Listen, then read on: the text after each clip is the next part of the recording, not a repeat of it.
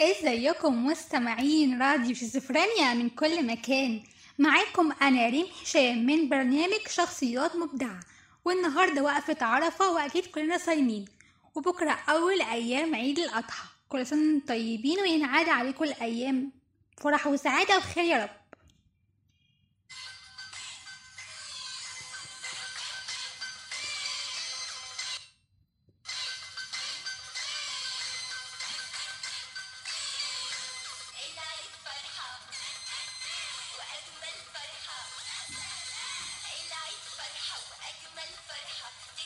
شمل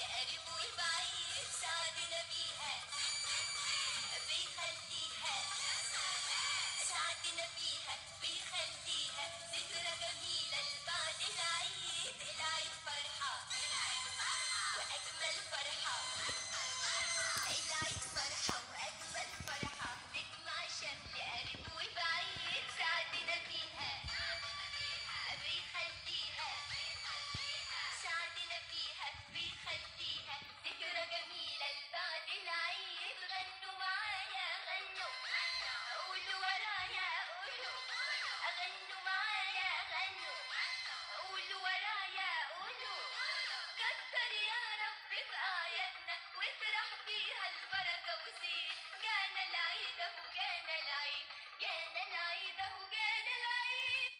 في حلقة النهاردة هنتعرف عن شخصية جديدة وهتكون مميزة.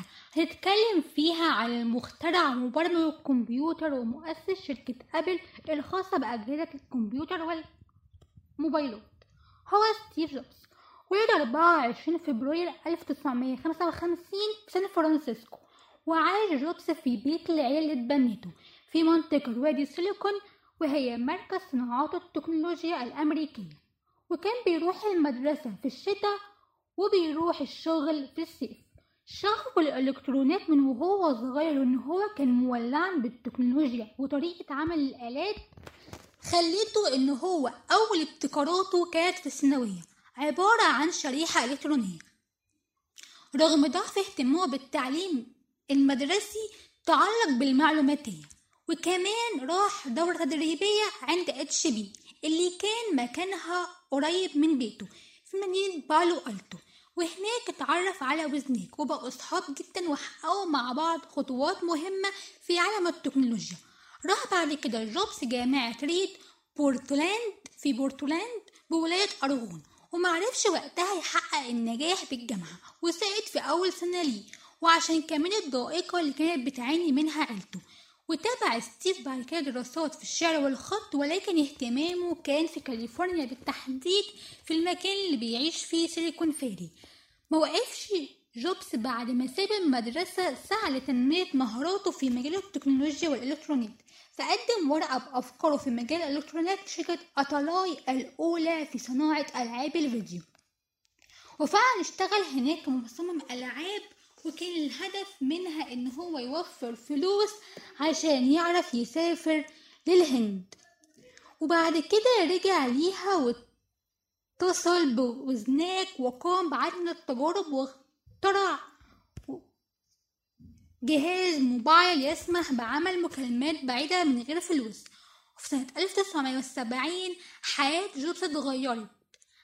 بعد ما التقى بمهندس الحاسوب والمبرمج صديقه وزناك وانه هو ما كانش يعرف كتير في الالكترونيات ولكن فهم عبقرية المنتج الجديد اللي عمله صديقه وزناك وفهم بعدها إن العالم بحاجة ماسة جدا للإختراع ده.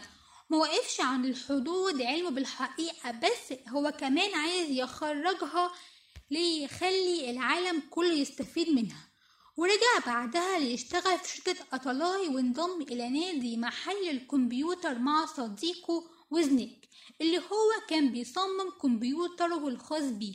وفي سنة 1956 استطاع جوبز إقناع متجر محل الكمبيوترات بشراء 50 جهاز من أجهزة وزناك قبل صناعتها. وبفضل الشراء ده كمان أقنع واحد من موردي الإلكترونيات بإمداده بمكونات الكمبيوترات اللي بيسعى لصناعتها وفعلا استطاع إنتاج كمبيوتر جديد باسم أبل من غير ما يقترض من أي مكان أو إن هو يعطي أسهم من أسهمه لشخص آخر. ولكن التطوير الكمبيوتر كان مكلف جدا فإن هو جعل إن هو يخليه يقنع ماك ماركولا مستثمر محلي في كاليفورنيا بإن هو يوفر مبلغ 250 ألف دولار.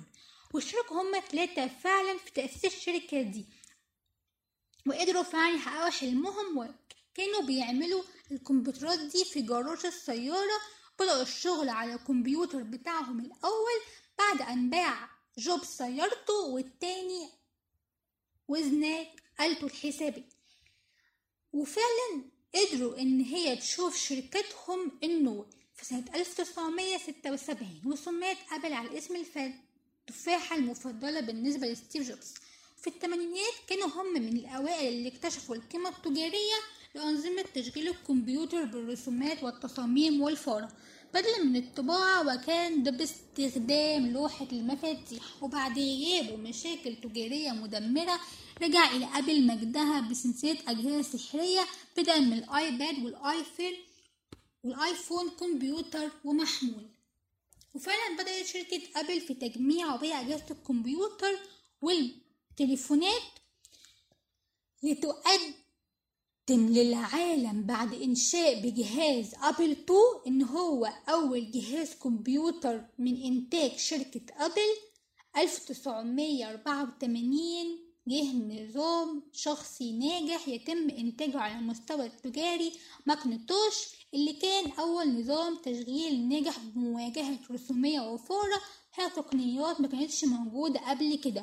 ويحقق إن الجهاز ده نجاح وانتشار كبير جدا في مواجهة إنتل مايكروسوفت ولكن ما عداش سنة على النجاح ده.